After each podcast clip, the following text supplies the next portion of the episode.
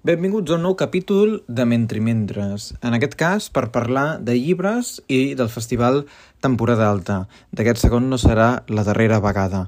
Avui parlem d'Eduard Luis. Eduard Luis és un autor polèmic, és un autor que ha creat sempre eh, conflicte allà on se l'ha traduït i se l'ha eh, publicat. Nosaltres avui en parlem perquè s'ha fet la roda de premsa ja que l'autor ha visitat Barcelona. Com sabem, però, del seu darrer llibre, Canviar mètode, que va publicar més llibres aquest eh, passat març, sabem, però, que Barcelona és una ciutat de lliberació per l'autor. L'autor, que, segons ens diuen els mateixos editors, està publicat en la col·lecció de no ficció, aviat incorporarà nous títols a la mateixa editorial Més Llibres i aquests sí que estaran també potser a la col·lecció de ficció. Com dèiem, l'autor, per aquells que no el coneixen, eh, utilitza o es col·loca al centre eh, en el que podríem estar al límit no, de la qüestió eh, autoficcional, com dèiem. I és en la ficció que construeix, però desenvolupa tot un seguit de tècniques i eines per acabar creant una obra eh, molt política. El director alemany Thomas Ostermayer l'ha dirigit i ha dirigit en aquest cas un dels primers textos que l'editorial Més Llibres, el primer de fet, va publicar, que justament el va traduir en Rubén Luzón, i és Qui va matar el meu pare. Aquest títol s'ha portat, o el porta en escena, i s'ha portat a través del muntatge que el mateix Tomàs Josema ja va dirigir, i el porta com un monòleg en el qual el mateix Eduard Luis l'interpreta el paper principal i protagonista. El muntatge es veurà demà i passat, és a dir, aquest dissabte i aquest diumenge, i això el que permetrà és als espectadors catalans vegin un nou muntatge del director Tomàs Eschamalla, però també un nou muntatge d'Eduard Luis, que és, eh, en aquest sentit, un actor que fa d'actor, però també un autor que se'l torna a veure als escenaris.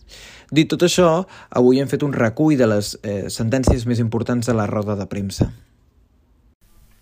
En fait, c'était une, une, proposition de, de Thomas Ostermayer euh, de, me faire monter, de me faire monter sur scène.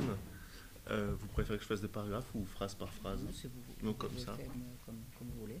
De fet, eh, va ser una proposta de Thomas Ostermeyer de, de fer-me pujar a l'escenari.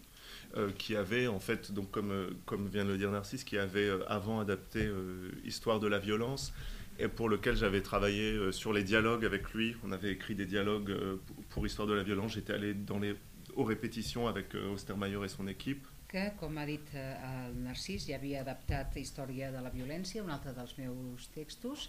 En aquesta ocasió jo ja havia anat als assajos per veure com. Et euh, le, texte, mis à part, puisque ça c'est pas ma position à moi de juger le texte, mais j'avais trouvé que le spectacle que Thomas Ostermeyer avait fait d'histoire de la violence, euh, absolument incroyable, sans doute une des choses les plus puissantes que j'ai vues euh, dans ma vie, vraiment. I el text a part, ja que no sóc jo qui he de jutjar en aquest cas el, el text, eh, sí que la posada en escena de, que va fer eh, Ostermeyer de Histoire de la violence em va semblar increïble, una de les coses més fortes que jo havia vist fins en aquell moment. Et puis donc euh, Thomas Ostermeyer m'a dit euh, j'aimerais bien mettre en scène euh, Qui a tué mon père. Donc j'avais une confiance totale en lui, grâce à ce qu'il avait fait avec Histoire de la violence, et puis aussi parce que je l'admirais depuis, depuis des années. Quand j'étais au lycée, j'écrivais des dissertations euh, sur Thomas Ostermeyer quand j'étudiais le théâtre. Donc quand il a proposé d'adapter mes livres, c'était un sentiment un peu euh, étrange d'un passage euh, de quelque chose de rêvé à un passage à la réalité. Et Thomas Ostermeyer m'a dit donc je veux faire qui a tué mon père? Je lui ai dit bah, évidemment, j'ai confiance en toi et je t'admire. Et puis là, Thomas Ostermeyer m'a dit mais j'aimerais bien que ce soit toi qui montes sur la scène. Et là, c'était une surprise. Bé, eh, quan Ostermeyer em va dir que volia també eh, dirigir Qui a tué mon père, eh, eh, és una cosa que, que em va agradar perquè jo com que ja l'havia vist treballar en un altre text, doncs podia dir que ja li tenia confiança. A més a més, una persona que jo sempre havia admirat, quan, quan estava a l'institut feia fins i tot eh, treballs, dissertacions eh, sobre, sobre ell, per això va ser, eh, aquesta proposta em va sonar una mica, una mica estranya, no? perquè era com si una, alguna cosa que jo hagués somiat es, es convertia en una, en una realitat i li vaig dir que, que, que és clar que podia fer aquesta adaptació, que a més a més jo confiava molt en ell. Et euh, donc j'ai accepté. euh, et puis on a, on a travaillé avec, avec Thomas euh, Ostermeyer pendant, pendant une semaine. On a construit le spectacle, alors qu'une mise en scène prend plutôt d'habitude 4 ou 5 ou 6 ou 7 semaines. On a mis une semaine euh, on a, parce qu'on avait une forme de, de, de, compatibilité ensemble euh, qui fait qu'on a travaillé très vite, euh, de manière très stimulante. Et ensuite, on a présenté le spectacle. On a tous les deux envie de faire un, théâtre euh, plus politique, euh, plus engagé, qui soit plus un art qui confronte le public à, des questions politiques. Et je pense qu'on avait vraiment ouais, une envie commune à ce niveau-là, ce qui nous a donné beaucoup d'énergie, une forme d'énergie partagée.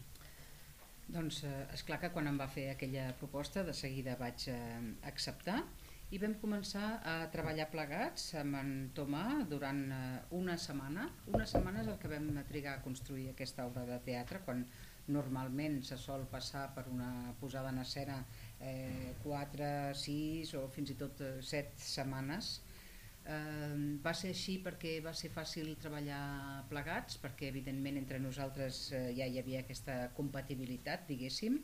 Eh, vam treballar de manera molt ràpid perquè també va ser una feina per nosaltres molt estimulant. I a més a més hi ha un altre tema en el que estàvem tots dos d'acord i era que volíem eh, fer un tipus de teatre que fos eh, més polític, un tipus de teatre que fos més compromès i volíem que, que el públic també podés, eh, podés eh, acceptar o veure's confrontat a, a -hmm. Oui, oui. Euh, qui a tué mon père est, un livre qui est né du fait que notre relation avait, avait changé. Euh, moi, je suis parti très vite de chez mes parents. Je suis parti à, à, à 15 ans. J'habitais déjà chez des amis pour plus être dans ma famille. Euh, je travaillais dans une boulangerie la nuit pour mettre du beurre sur les moules à gâteau, pour gagner un peu d'argent. Je travaillais dans un théâtre un peu plus tard, vers 17-18 ans, pour arracher les tickets. Euh, j'avais une distance très grande avec ma famille parce que, euh, comme je disais tout à l'heure, j'étais né gay dans un milieu, mais aussi dans une famille qui détestait l'homosexualité. J'entendais mon père dire toute mon enfance il faut tuer les PD, il faut tuer les PD, il faut tuer les PD. Euh, et donc moi, je me suis éloigné très vite de ma famille. J'ai vécu une vie séparée de ma famille très, très jeune. Et puis ensuite, j'ai commencé, je suis allé à Paris, j'ai commencé à écrire des livres. J'ai publié mon premier livre, puis mon deuxième livre. Et en fait, j'avais pas de contact avec mon, avec mon père. Pas parce qu'on avait eu une dispute, pas parce que j'avais pas claqué la porte, mais simplement on s'était éloigné parce que mon père était un ouvrier euh, homophobe euh, d'extrême droite du nord de la France et que moi j'étais parti à Paris pour devenir un, intellectuel, euh, homosexuel, euh, de gauche radicale. Donc tout nous opposait. Euh, tout nous opposait, on ne se parlait pas parce que tout nous opposait. Et puis, et puis en fait, quand j'ai publié mon premier et mon deuxième livre, un jour mon père m'a téléphoné. Et en fait, mon père pleurait. et, et, il m'a dit Je suis fier de toi. J'ai vu que tu publiais des livres, j'ai vu, je t'ai entendu à la radio, je sais plus, je t'ai vu à la télévision, et je suis fier de ce que tu fais. Et c'était pour moi une surprise euh, immense, euh, aussi, en grande partie aussi parce que je parlais de mon homosexualité dans les livres, ce qui était pour mon père le, le, le pire des crimes, c'est l'homosexualité. Et tout à coup, j'écrivais un livre où j'écrivais l'homosexualité, et lui me disait, je suis fier de toi. Euh, et puis après, sa, sa compagne, sa, la, sa, nouvelle femme, euh, m'a dit qu'il achetait les li mes livres, qu'il les donnait aux, aux, gens qui sont balayeurs avec lui. Mon père était balayeur. Euh, et en fait, à ce moment-là, je, je, suis allé revoir mon père. Je ne l'avais pas vu depuis longtemps, je ne l'avais pas vu depuis plusieurs années. Alors que j'étais très jeune, à ce moment-là, j'avais, j'avais 23 ou 24 ans, je ne l'avais pas vu depuis longtemps. Euh, et puis au moment où j'ai ouvert la porte pour le revoir, j'ai vu qu'il était complètement détruit. Mon père avait 51, 52 ans à ce moment-là. Et j'ai vu qu'il pouvait plus marcher, qu'il pouvait plus respirer, qu'il pouvait plus. Il avait une machine qui était branchée à lui à seulement un peu plus de 50 ans. Et mon père n'a pas de maladie, il n'a pas de cancer, il n'a pas de leucémie, il n'a pas de tumeur, il n'a pas de. Euh, simplement, son corps était détruit par sa place au monde, parce que mon père a été ouvrier, parce que mon père a été balayeur, parce qu'on vit dans un système en France et ailleurs dans le monde dans lequel les classes populaires ont de moins en moins accès aux soins, à la médecine, euh, parce qu'il y a de moins en moins d'aide sociale pour les pauvres en France ou en Espagne ou n'importe où ou en Allemagne. Euh, c'est la même chose partout, il n'y a aucune exception. Et puis, c'est pour ça c'est à ce moment-là où je l'ai revu. Et je l'ai revu, et, c'est là que je me suis posé la question, je me suis dit, mais qu'est-ce qui s'est passé? Et je me suis dit, qui a tué mon père? Qui a, fait, qui a fait de lui cet homme qui peut plus marcher? Et c'est là que j'ai commencé à écrire le, à écrire le livre. Quan vaig escriure Qui a tué mon, mon père, eh, eh, on, on explico tot això, potser va ser el retrobar-nos... La, la, la, perdó, la relació amb el meu pare va canviar molt quan el vaig tornar a veure i va ser a partir d'aquí que vaig escriure aquest llibre. La meva història eh, diu que als 15 anys vaig marxar, vaig marxar de casa perquè vaig néixer en una, una família que no tolerava la meva homosexualitat. Vaig començar treballant en un forn on posava mantega en els motllos. Eh, després, eh, quan tenia 17-18 anys, ja vaig entrar a, a un teatre com a acomodador. Eh, després, la distància doncs, es va amb la família va anar, va anar augmentant perquè jo, com ja he explicat, vaig néixer eh, en el si d'una família que, que em deia que, que, que els mariques el, els havien de matar tots, no? que, que s'havien de matar els mariques i que s'havien de matar els mariques i que s'havien de matar els mariques i no vaig aguantar i em vaig separar cada cop més de la meva família sense que hi hagués cap, cap baralla ni res, Sen, senzillament me'n vaig eh, allunyar. Me'n vaig anar a París, vaig publicar un llibre, vaig publicar un segon llibre i tot i que no estàvem barallats doncs la, amb el meu pare teníem una, una diferència molt gran perquè eh, ell era obrer, eh, homòfob i, i d'extrema dreta i jo me'n vaig anar a París eh, perquè buscava estar envoltat d'intel·lectuals, eh, volia defensar la meva homosexualitat i, i, i lluitar políticament. Eh, quan vaig haver publicat el segon llibre, el meu pare em va telefonar un dia i plorant, el meu pare plorava i, i em va dir que, que havia sapigut que jo escrivia, que m'havia sentit per la ràdio, que m'havia vist per la televisió i que estava molt orgullós de mi. Eh, em va dir estic molt orgullós del que fas va ser curiós per mi perquè justament era eh, parlant d'un llibre on jo parlava de, obertament de la meva homosexualitat però sí, la, la seva nova companya del meu pare eh, em va explicar que sí que comprava els meus llibres i que els, i que els regalava, regalava als seus amics, als altres escombriaires, el meu pare és escombriaire i i així que doncs, al cap de, de bastants anys de ser a fora vaig tornar. Quan jo vaig tornar jo tenia uns 23 o 24 anys i quan vaig obrir la porta de casa dels meus pares vaig veure el meu pare com un home eh, completament destruït.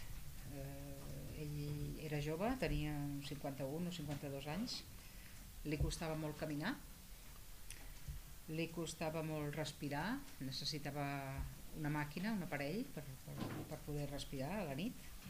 Eh, i això que el meu pare no tenia cap malaltia, no tenia càncer, no tenia cap tumor, no tenia cap, cap, cap malaltia, senzillament eh, el meu pare havia quedat destruït per, per, el, per el lloc que havia hagut d'ocupar en el món, no? perquè, perquè, perquè les classes populars eh, cada vegada mm, els costa més accedir a la medicina eh, perquè cada vegada hi ha menys eh, ajuts eh, socials pel, pel, pels pobres.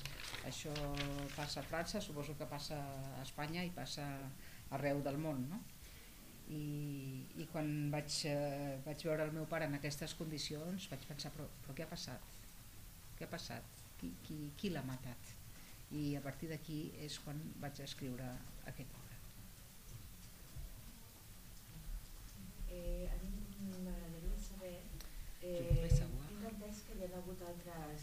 Parce que je sais qu'il y a eu d'autres mises en scène euh, sur cette euh, pièce.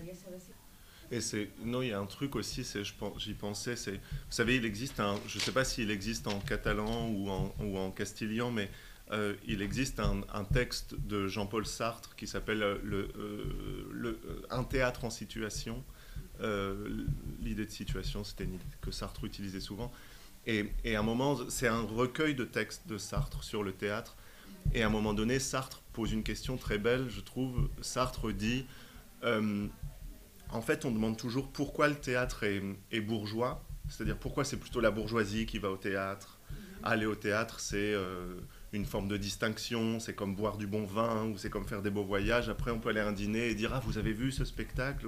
C'est comme une forme de capital social vis-à-vis des autres d'aller au théâtre.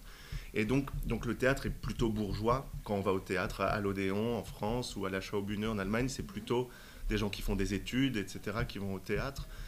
Et, au fond, et Sartre dit, mais on se trompe quand on pose cette question, parce que la question, c'est pas pourquoi le théâtre est bourgeois, c'est pourquoi le théâtre est devenu bourgeois. Puisque Sartre dit, si on regarde la- la- les tragédies grecques, si on regarde ce qu'était Sophocle ou Euripide, ou même beaucoup plus loin, si on regarde ce qu'était le, le théâtre de Shakespeare, euh, c'était des formes de théâtre très populaires, très politiques. C'était, il y avait autant la reine que, que des gens de- du peuple qui venaient assister au théâtre. C'était des scandales. Enfin, le, euh, et, et au fond, Sartre dit si on veut comprendre le théâtre, il faut faire l'histoire d'un vol. En fait, comment la bourgeoisie a volé le théâtre. Et c'est ça la question. C'est pas la question sur une réalité que serait le théâtre, c'est la question d'un vol, d'un processus de vol. Et, et je pense que quand on a fait ce spectacle avec Thomas Ostermayer, qui a tué mon père, on avait envie d'essayer de recréer un théâtre brûlant, comme celui de Shakespeare ou de Sophocle au moment où ils créaient leur spectacle. Faire quelque chose de... Oui, un théâtre qui brûle, un théâtre qui parle de la politique, un théâtre qui parle de tout de suite, un théâtre qui scandalise des gens. Euh, euh, il y avait une forme de, recherche comme ça, de, reprendre le théâtre à la bourgeoisie, au fond, de, reprendre ce que la bourgeoisie avait volé. Hi ha un recull que no sé si traduït al català o al castellà, és eh, Un théâtre en situació, és una obra eh, de textos de Sartre sobre el teatre, i en aquest recull hi ha una, una frase de, de Sartre que es pregunta eh, per, què, eh, la, per què el teatre és, es considera burgès, no?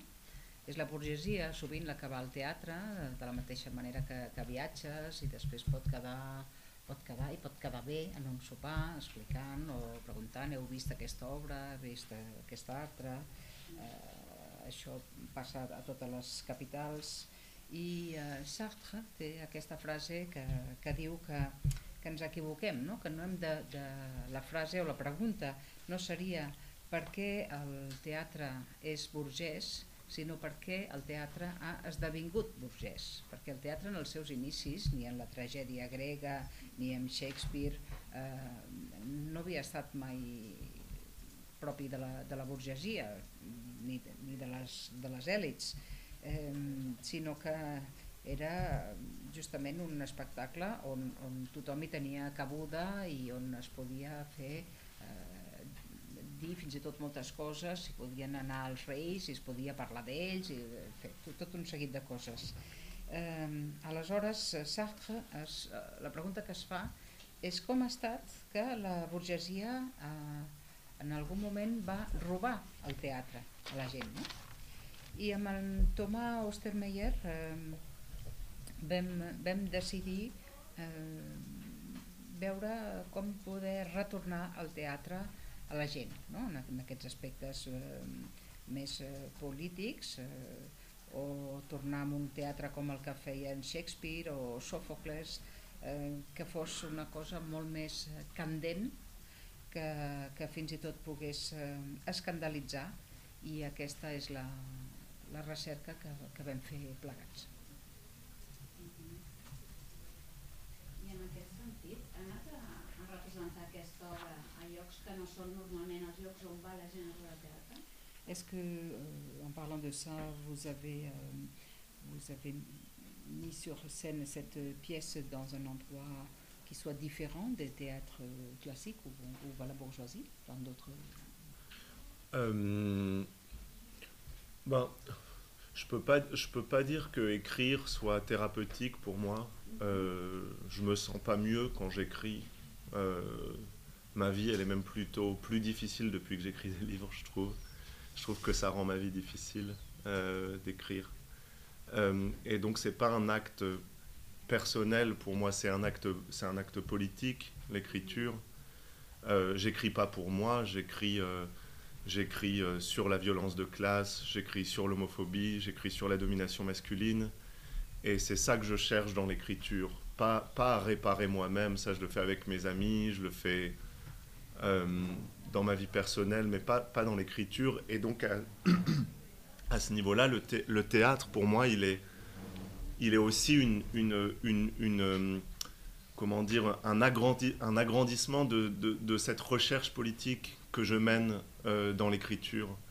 Euh, parce que le théâtre, c'est un acte direct, c'est un acte dans lequel on se confronte au public, c'est un acte, c'est un acte en fait potentiellement encore plus politique que, que, que, que la littérature. Et donc voilà, il n'y a pas pour moi une recherche thérapeutique qui continue au théâtre, c'est plutôt une recherche politique qui peut être euh, agrandie au théâtre. Euh, oui. No sé com ho podria dir, perquè jo crec que per mi eh, escriure no, té, no és un, un acte terapèutic, per mi, per mi no ho és. Eh, fins i tot podria dir que la vida, des de que escric, la meva vida és més difícil, eh, resulta més difícil. Eh, perquè per mi el fet d'escriure no és un acte personal, sinó que és un acte polític eh, i jo escric eh, sobre, la, sobre la violència de classes, sobre l'homofòbia, sobre la dominació masculina. Eh, no necessito escriure eh, des d'un punt de vista personal, perquè jo si tinc problemes personals els resolc, els resolc d'una altra manera amb els meus amics, eh, així, vin. perquè per mi Vino tinto. amb, amb vi negre, per exemple. I, i en canvi eh, el teatre eh, permet d'anar fins i tot més enllà de- d'aquesta recerca política, més que l'escriptura, diria, perquè, perquè el teatre eh, és més polític en el sentit de que és més directe, de que hi ha realment una confrontació amb el públic i és en, el, en, aquest, eh, en aquest instant. Podríem dir que és més directe que la, que la literatura. Hem escoltat algunes de les declaracions eh, més interessants en aquesta roda de premsa.